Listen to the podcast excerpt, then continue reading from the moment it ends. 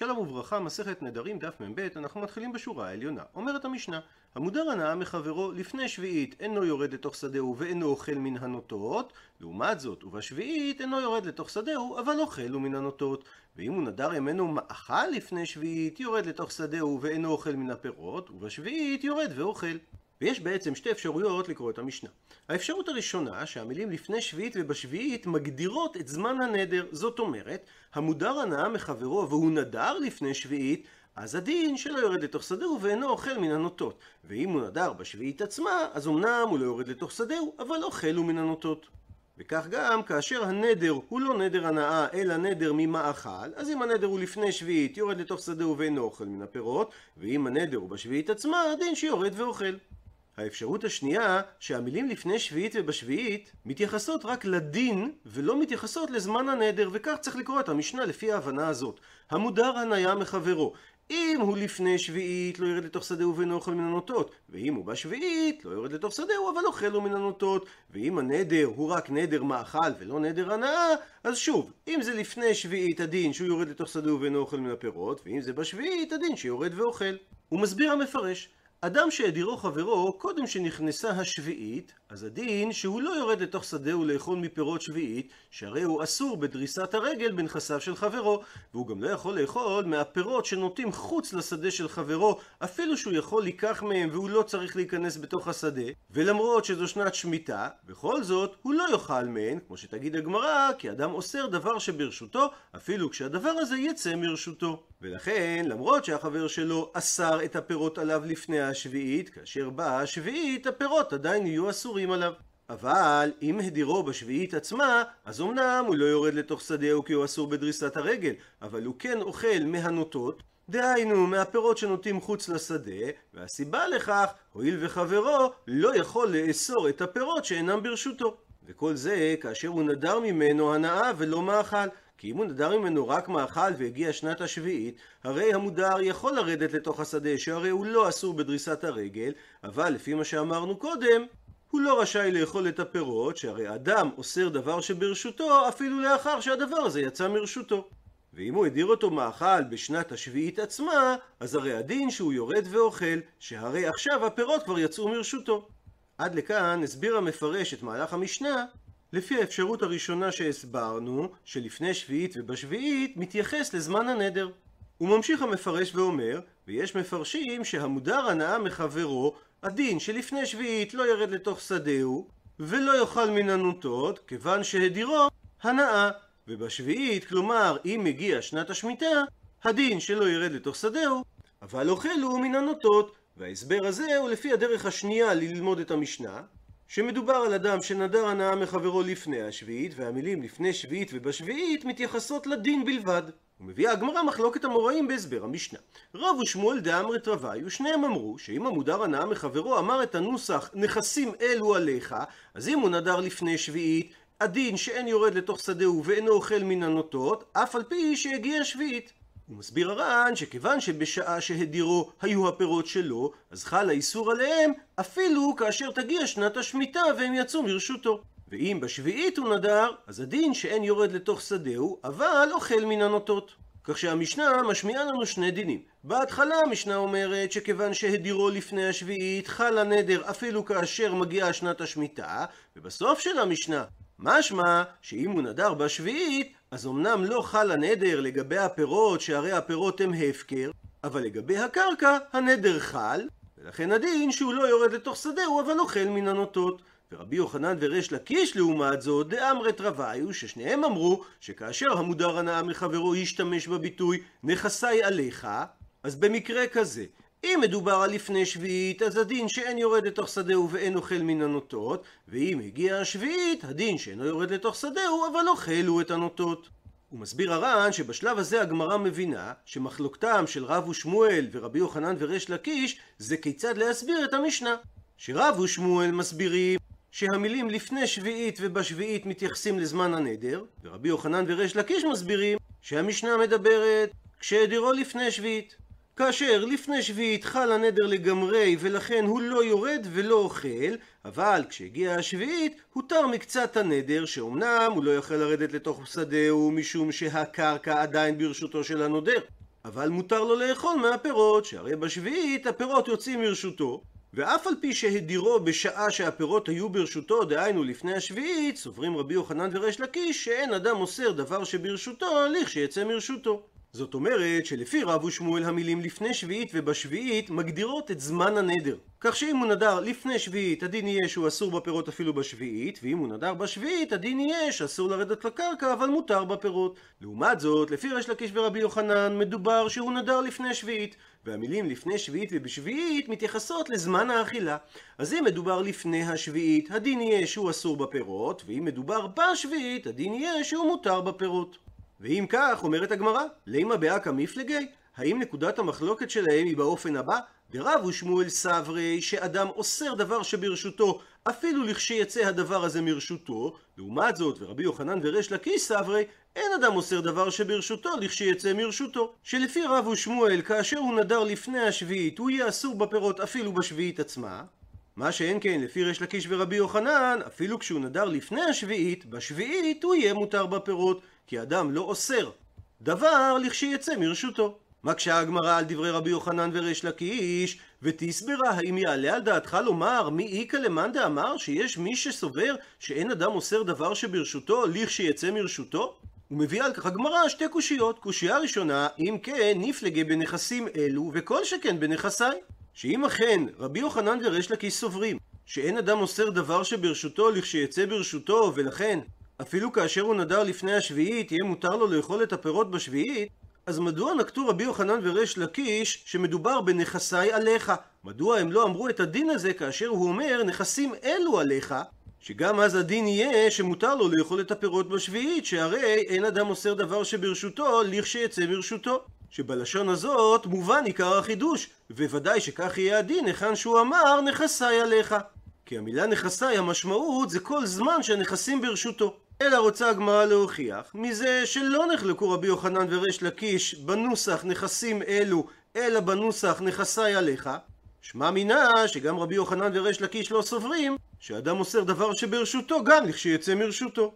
ותו ועוד קושייה נוספת, התנן, הרי יש משנה מפורשת, דאדם מוסר דבר שברשותו לכשיצא מרשותו, דתנן, שכך שנינו במסכת בבא קמא, אדם האומר לבנו, קונם שאתה נהנה לי.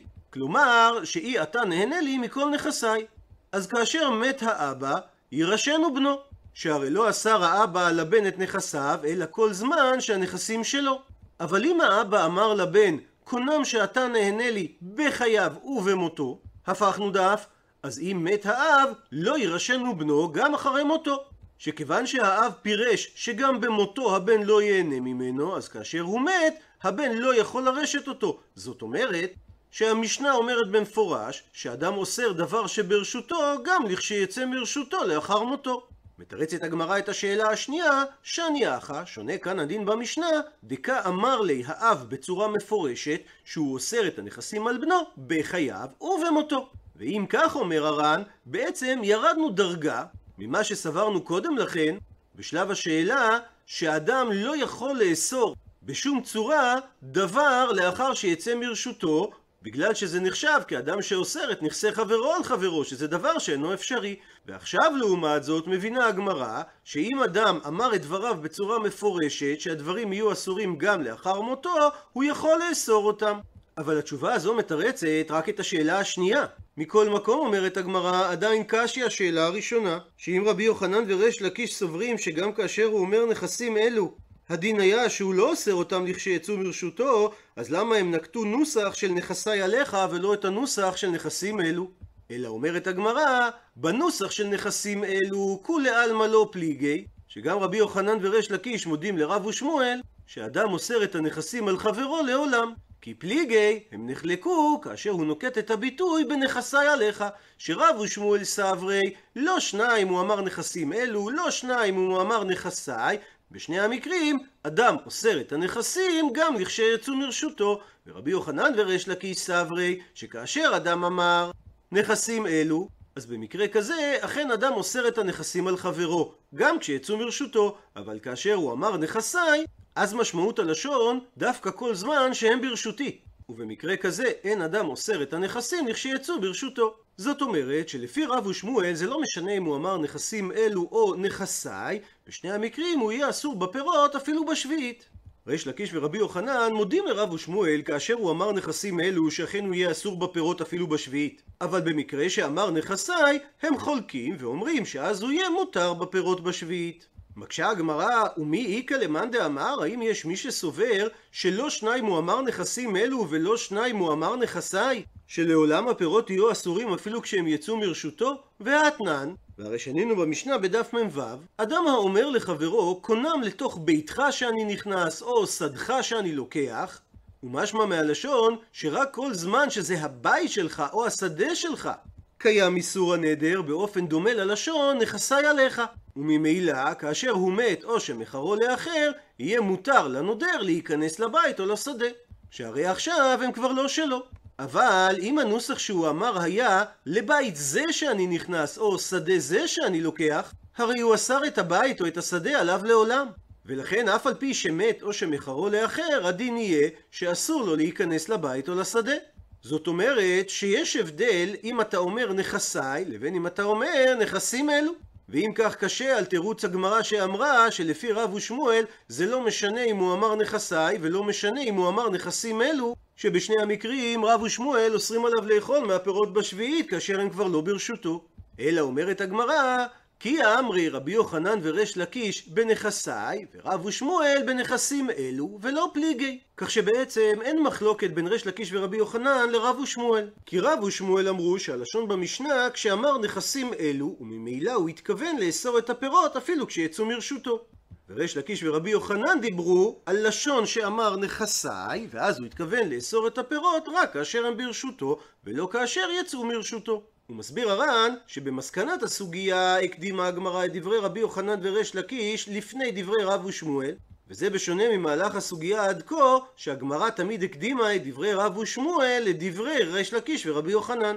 והסיבה לדבר מסביר הר"ן שכל זמן שחשבנו שיש מחלוקת בין רבי יוחנן וריש לקיש לרב ושמואל אז הביאה הגמרא תחילה את דברי רב ושמואל ואחר כך את דברי רבי יוחנן וריש לקיש שחולקים עליהם אבל לפי מסקנת הסוגיה שאין מחלוקת בין האמוראים, הקדימה הגמרא את דברי רבי יוחנן וריש לקיש לפני דברי רב ושמואל, כדי להדגיש ולומר שבעצם אין ביניהם מחלוקת. ציטוט מהמשנה, ובשביעית אין יורד לתוך שדהו, אבל הוא אוכל מן הנוטות, ושואלת הגמרא, מה ישנה דאוכל מן הנוטות? האם זה לא משום דפרי דהפקר אינון? שהרי פירות שביעית הם הפקר ולכן הם לא נאסרו עליו? אבל אם כך, ארענמי אף קרה. הרי לצורך לכיתת הפירות, התורה הפקירה גם את הקרקע. ואם כך, למה הוא לא יכול להיכנס לתוך שדה חברו? עונה על כך, אמר אולה, כי המשנה מדברת בעומדים אילנות על הגבולים. ובאופן הזה, הוא יכול לתלוש מן הפירות מבחוץ בלי להיכנס לשדה של חברו. ולכן, הוא לא יכול לרדת לשדה חברו, שהרי כל מה שהתורה הפקירה את הקרקע גבי שביעית זה לצורך אכילת הפירות. ועכשיו, שהוא יכול לתלוש מן הפירות מבחוץ, אז אין לו היתר להיכנס לצורך אכילה לשדה חברו. תשובה נוספת, רבי שמעון בן אליקים אמר שהוא אסור להיכנס לשדה חברו גזירה שמא ישהה בעמידה. וגם רבי שמעון בן אליקים מסכים שמדובר כאשר יש פירות שנוטות מהשדה החוצה. כך שהוא יכול להושיט ידו ולקח את הפירות מבחוץ. והסיבה שלא התירו לו להיכנס לשדה, כי אם לאחר שאכל הוא ימשיך לעמוד שם, הרי הוא ייהנה מהנכסים של המדיר, וזו הנאה אסורה. שהרי מה שהפקירה התורה את השדה זה רק כל זמן שהוא אוכל, שאז הוא יכול לעמוד שם. אבל שלא לצורך אכילה, התורה לא הפקירה את השדה, ולכן לא התירו לו לאכול, אלא מן הנוטות בלבד. הוא מחדד הר"ן את הנפקמינה בין שתי התשובות, שלפי תשובתו של לולה, כאשר יש אילנות שעומדים באמצע השדה, מותר יהיה למודר להיכנס לתוך השדה כדי ללקוט אותם, אבל ללקוט פירות של אילנות שעומדים על הגבולין, יהיה מותר לו רק מחוץ לשדה, שהרי התורה לא הפקירה את הקרקע של השדה, אלא כדי ללקוט פירותיה בשביעית. וכיוון שאילנות הללו נמצאים על הגבולים, הרי הוא יכול ללקוט אותם מחוץ לשדה, ולכן לא ירד לתוכה. מה שאין כן, לפי תשובתו של רבי שמעון בן אליקים, שהדבר אסור משום גזירה שמא יישה בעמידה, אז אפילו ללקט אילנות שבאמצע השדה, הוא לא ירד לתוך השדה, שאומנם מדין תורה מותר לו לרדת לשדה, שהרי התורה הפקירה את השדה לצורך לכיתת הפירות, אבל משום גזירה, שמא יישה בעמידה, הדבר אסור. עד לכאן דף מ"ב